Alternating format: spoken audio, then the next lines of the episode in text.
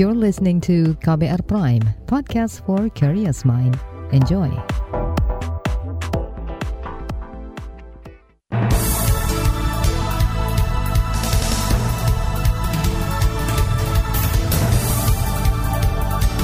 Selamat pagi saudara, kembali kami menyapa Anda dengan sejumlah informasi pilihan pagi hari ini di Buletin Pagi. Saya Eka Juli. Dan saya dan saya Sindu Darmawan. Kami telah menyiapkan sejumlah informasi terkini di antaranya Indonesia diduga melewatkan kasus penyebaran virus corona jenis baru. Bapeten selidiki zat radioaktif di Tangerang Selatan. BVMPG kirim peneliti ke NTT selidiki laporan gunung api baru. Inilah buletin KBR, maksud kami buletin pagi KBR selengkapnya. terbaru di Buletin Pagi.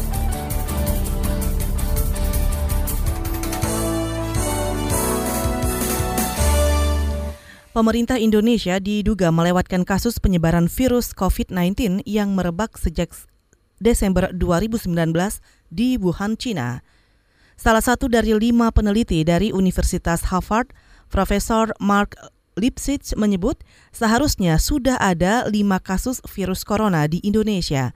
Pernyataan ini disampaikannya berdasarkan penelitian prediksi dengan mathematical modeling yang dilakukan bersama timnya. Tujuan dari penelitian kami adalah untuk melihat apakah kasus yang sudah terdeteksi benar-benar merepresentasikan jumlah kasus sebenarnya. Untuk itu kami menghitung jumlah statistik antara jumlah pengunjung ke sebuah negara dengan jumlah kasus yang terdeteksi. Rata-rata internasional menyatakan ada 14 pengunjung per hari. Dengan standar itu, Indonesia diduga sudah memiliki lima kasus, meskipun nyatanya belum ada satupun kasus.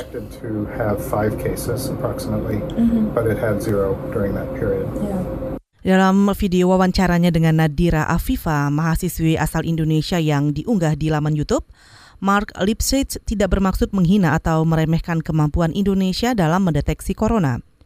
Ia menyebut penelitian ini bertujuan mengingatkan negara-negara yang beresiko terjangkit wabah COVID-19 atau virus corona. Apalagi tercatat sudah ada kasus positif corona jenis baru itu di beberapa negara tetangga Indonesia seperti Singapura dan Malaysia. Kementerian Kesehatan memberi penjelasan soal mengapa tak ditemukan kasus virus corona di Indonesia. Menurut Direktur Jenderal Pencegahan dan Pengendalian Penyakit Kementerian Kesehatan Ahmad Yuryanto, Hal itu didasari pada ketatnya pemeriksaan yang dilakukan di Indonesia. Selain itu, 200-an WNI yang diobservasi di Natuna juga dinyatakan tidak terpapar virus corona. Ia mengklaim seluruh WNI sudah menjalani pemeriksaan badan setiap hari oleh tim dokter untuk memastikan kesehatan mereka memeriksa tenggorokan itu tahapannya ada, nggak tiba-tiba semua orang tuh dibuka mulutnya diperiksa itu enggak. Yang pertama orang itu harus ada riwayat sakitnya, fisiknya sakit, kelihatan sakit, tanda-tanda sakit ada, ada batuk, ada sesak, ada panas, nah itu kemudian kita tanya ada kontak nggak sama orang yang sakit. Kalau ada, baru kita periksa tenggorokan. Kalau enggak, nah dia nggak sakit, nggak ada keluhan, ya ngapain diperiksa? Direktur Jenderal Pencegahan dan Pengendalian Penyakit Kementerian Kesehatan Ahmad Yuryanto menuturkan, Kementerian Kesehatan juga melakukan pemeriksaan yang sama terhadap suspek virus corona di beberapa daerah. Namun ia memastikan hingga saat ini memang tak ada kasus positif corona di Indonesia. Saudara salah seorang mahasiswa Indonesia yang sempat dikarantina di Natuna, Brandi Juan Ferrero mengaku tidak ada pemeriksaan khusus yang dilakukan selama masa observasi. Kata dia, pemeriksaan hanya meliputi pemeriksaan suhu tubuh dan cek tensi darah. Kalau di Natuna sendiri cek suhu, kemudian ada tensi darah itu. Cek suhu sama tensi darah. Ya. Jadi ada dari tim kesehatan yang digerakkan oleh Kementerian Kesehatan itu dia setiap habis sarapan pagi sama habis makan malam itu melakukan cek suhu. Lalu untuk tensi darah dua minggu sekali. Itu tadi salah seorang mahasiswa Indonesia yang sempat dikarantina di Natuna, Brandi Juan Ferrero. Sementara itu, Kepala Lembaga Biologi Molekuler Eijkman, Amin Subandrio mengatakan penelitian dari ilmuwan Harvard mengenai penyebaran virus COVID-19 di berbagai negara termasuk Indonesia adalah prediksi yang bermanfaat.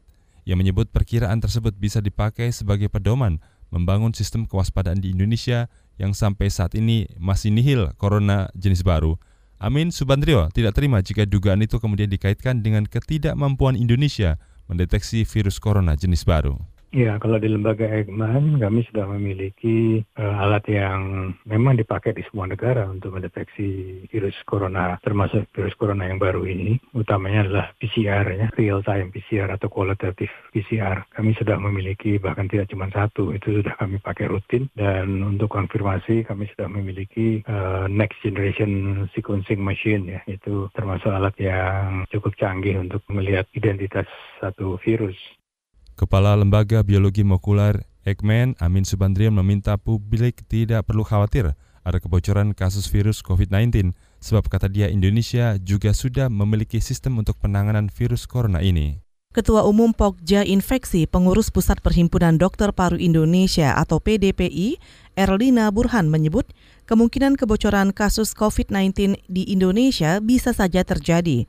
Prediksi dari ilmuwan Harvard itu justru bisa dijadikan alarm untuk pemerintah Indonesia agar lebih meningkatkan kewaspadaan terhadap penyebaran COVID-19 atau virus corona jenis baru itu. Kemungkinan itu mungkin aja ada. Contohnya kan yang masuk dari bandara masih masa inkubasi. Jadi walaupun pemerintah sejak sudah sejak awal menerapkan thermal scanning bisa jadi luput karena belum ada gejala. Tapi kan juga kita tidak mendengar ada laporan dari berbagai rumah sakit yang mengatakan ada yang meninggal karena infeksi saluran nafas yang berat. Nggak ada juga kan laporannya. Ketua Umum Pokja Infeksi Pengurus Pusat Perhimpunan Dokter Paru Indonesia Erlina Burhan juga menambahkan, prediksi itu bisa dijadikan salah satu indikator memperketat pengawasan di seluruh wilayah Indonesia, utamanya jalur masuk seperti bandara dan pelabuhan. Sementara itu hingga Sabtu malam, jumlah korban meninggal akibat virus corona di Cina mencapai lebih dari 1.600 orang. Angka ini bertambah 140-an orang dari satu hari sebelumnya. Menurut Komisi Kesehatan Nasional Cina, ada tambahan 2.000 orang lagi yang tertular. Jumlah keseluruhan orang yang terinfeksi virus corona mencapai hampir 70.000 orang. Saudara wawancara khusus bersama Menko Polhukam Mahfud MD akan hadir usai jeda. Tetaplah bersama kami di Buletin Pagi KBR. You're listening to KBR Pride, podcast for curious mind. Enjoy!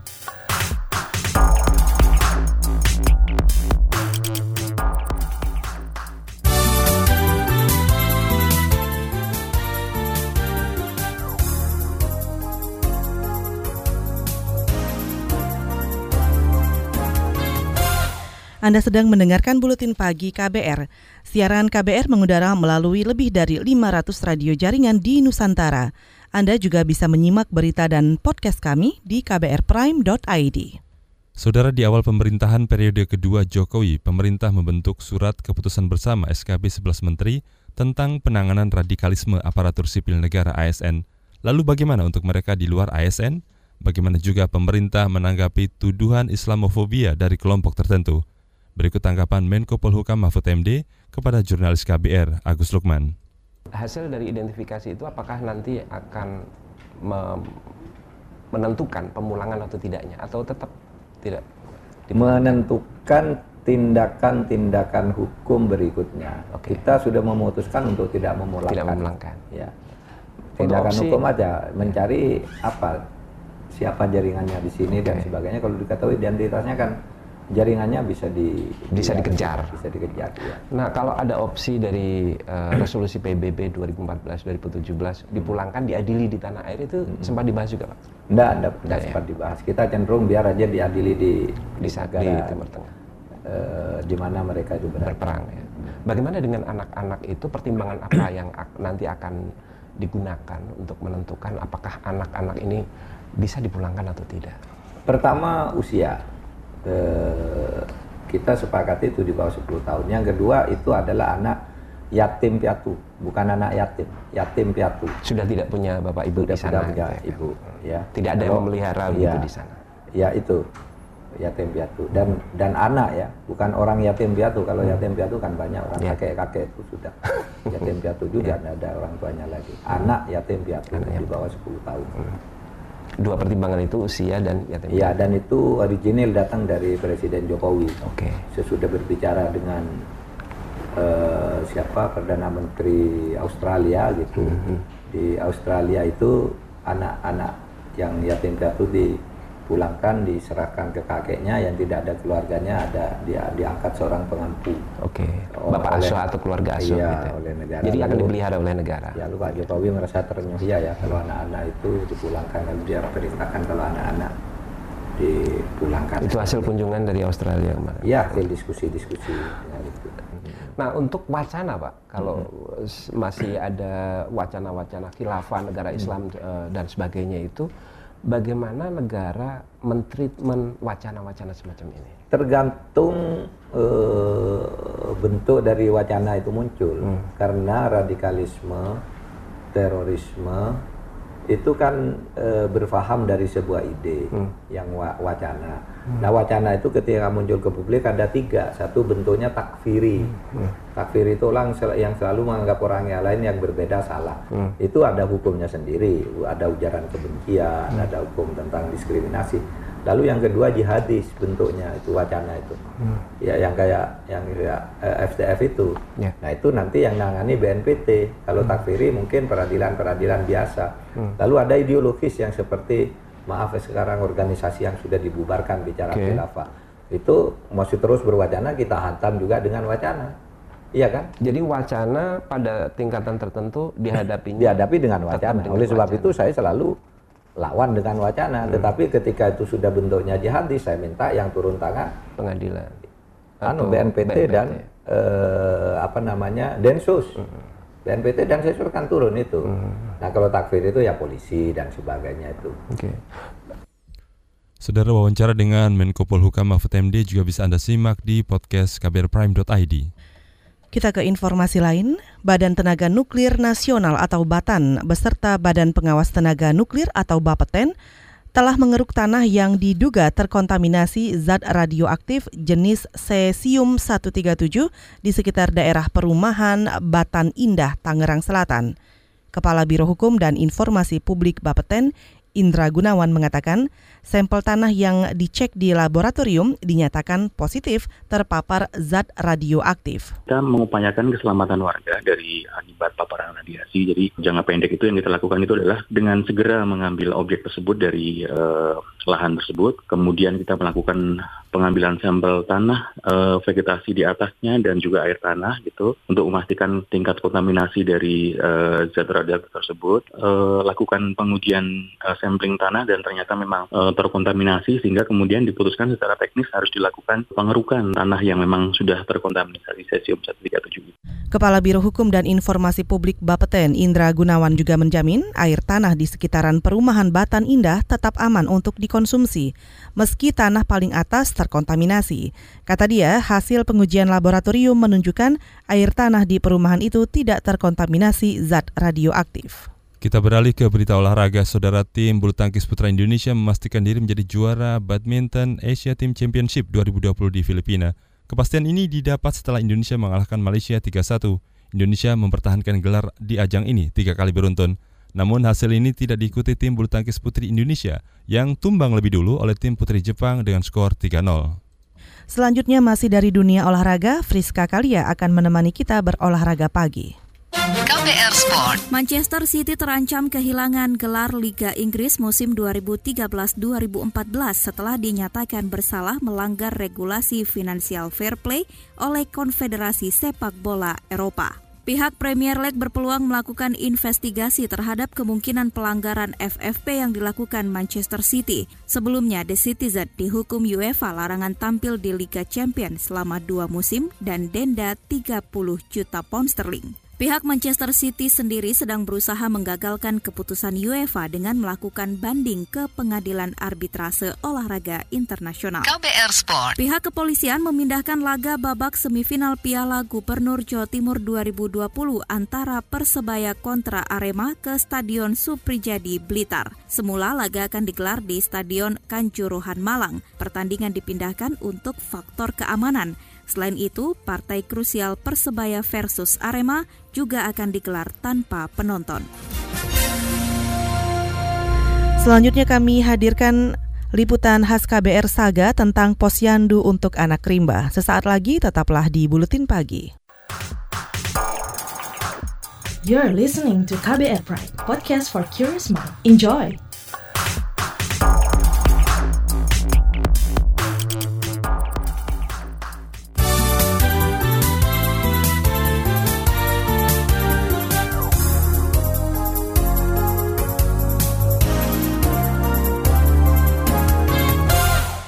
Terima kasih Anda masih mendengarkan Buletin Pagi, saatnya kita simak saga KBR berikut ini. Penyakit menular dan berbahaya begitu mudah menyerang para balita dan anak-anak rimba di Taman Nasional Bukit 12, TNBD Jambi. Kurangnya pemahaman mengenai pentingnya posyandu di kelompok orang rimba membuat angka kesehatan para balita rimba tidak kunjung membaik. Berikut laporan yang disusun reporter KBR, Hairil Anwar, dan kontributor KBR di Jambi, Elvi Dayanti. Berah, berah, berah, berah, berah. Itu sekarang kemakan nyai mato. Ngelitai terus menangis di tengah rimbunnya kawasan hutan Taman Nasional Bukit 12 Jambi. Sang ayah betua 18 tahun berdendang menghibur Ngelitai, bocah perempuan berusia 8 tahun. Perkembangan tubuh Ngelitai memang terganggu. Selain itu, warna kulitnya pucat dan perutnya buncit. Ngelitai terus menangis meski sang ayah berdendang dan membujuknya.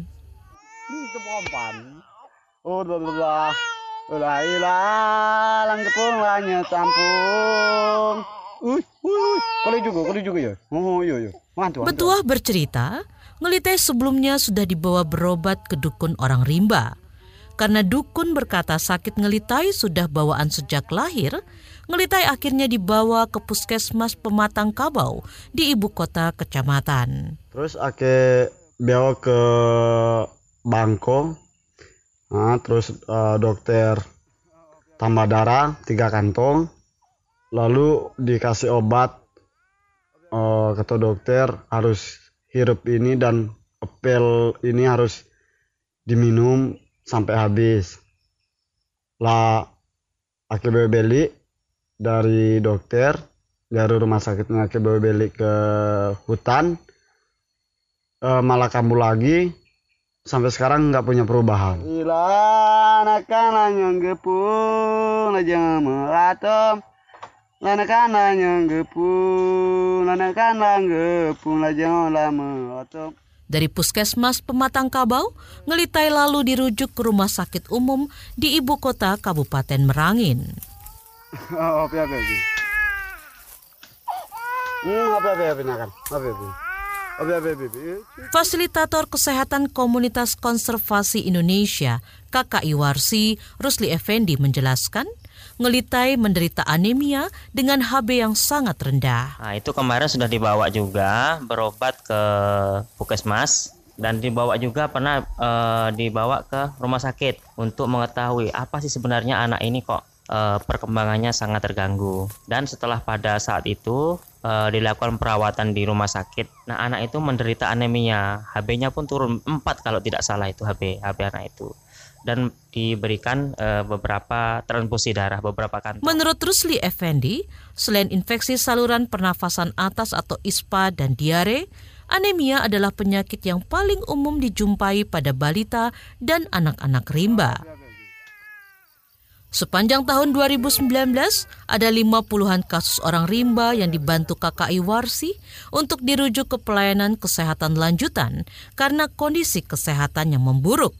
Sebagian besar adalah anak-anak. Penyakit menular seperti TB paru dan hepatitis juga mengancam kesehatan para balita di rimba. Kata Rusli, penyakit-penyakit tersebut seharusnya bisa diminimalisir dan dicegah jika orang tua rimba rutin ke posyandu. Ya, pada dasarnya eh, yang perlu kita tanamkan pertama kali adalah pemahaman, pengetahuan mereka tentang eh, apa sih pentingnya kesehatan, apa sih pentingnya posyandu itu. Misalnya ini kan ada beberapa uh, tahapan vaksin BCG. Nah, itu gunanya untuk apa? Misalnya untuk DPTHB, ya rubella seperti apa? Mereka belum paham di situ. Sehingga uh, membuat mereka kurang kurang ini, Mbak, kurang termotivasi. Meski posyandu khusus untuk orang rimba telah disediakan oleh puskesmas terdekat, orang rimba masih enggan membawa anak-anak mereka ke posyandu. Kepala Puskesmas Pematang Kabau Kabupaten Sarolangun Jambi, Hartarti Sandora. Ada apa kesadaran masyarakat orang rimba untuk menimbang ataupun imunisasi anaknya untuk datang ke posyandu yang ada di wilayah kerja kami yaitu yang pertama di pasar, yang kedua ada di air panas. Jadi kita tidak bisa memantau secara maksimal balita dari mulai umur dari mulai dia lahir sampai Tahun umur ini. Puskesmas Pematang Kabau bekerja sama dengan KKI Warsi berencana membangun posyandu di pinggir hutan. Beberapa orang rimba juga akan dipilih dan dilatih menjadi kader posyandu. Ini untuk lebih mendekatkan pelayanan kesehatan bagi balita orang rimba. Demikian laporan yang disusun reporter Radio Benor FM Kairil Anwar dan kontributor KBR di Jambi Elvi Dayanti. Selanjutnya kami hadirkan informasi mancanegara dan daerah. Tetaplah di Buletin Pagi KBR. You're listening to KBR Pride, podcast for curious mind. Enjoy!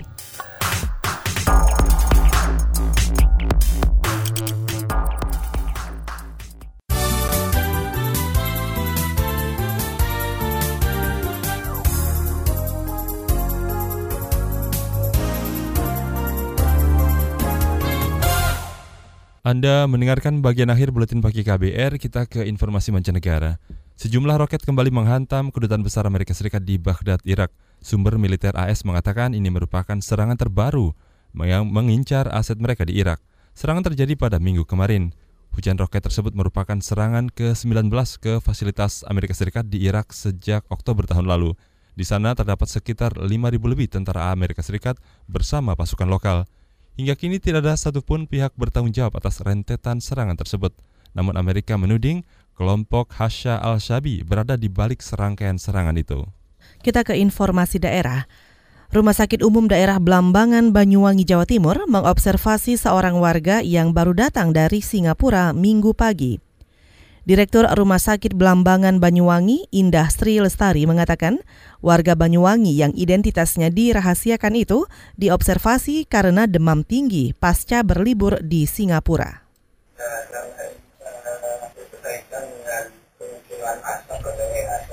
Direktur Rumah Sakit Umum Daerah Blambangan Banyuwangi Industri Lestari mengatakan tim medis melakukan uji laboratorium terhadap hasil pemeriksaan. Langkah ini dilakukan untuk mengantisipasi penyebaran virus corona yang saat ini sedang melanda. Pusat Vulkanologi, Mitigasi Bencana Geologi PVMBG Badan Geologi Kementerian ESDM akan mengirimkan tim peneliti ke Desa Sebot, Kecamatan Timur Tengah Selatan, Nusa Tenggara Timur. Tim itu akan memeriksa gundukan tanah yang diduga calon gunung berapi karena mengeluarkan api disertai asap pekat dan air panas.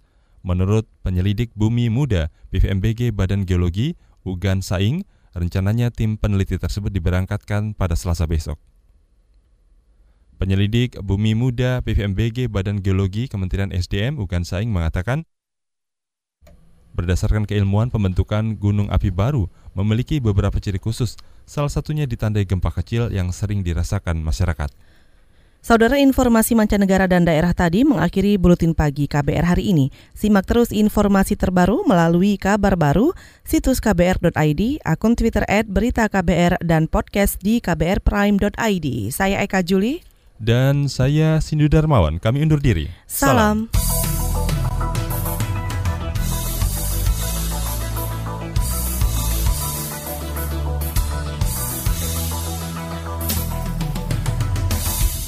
KBR Prime, cara asik mendengar berita. KBR Prime, podcast for curious mind.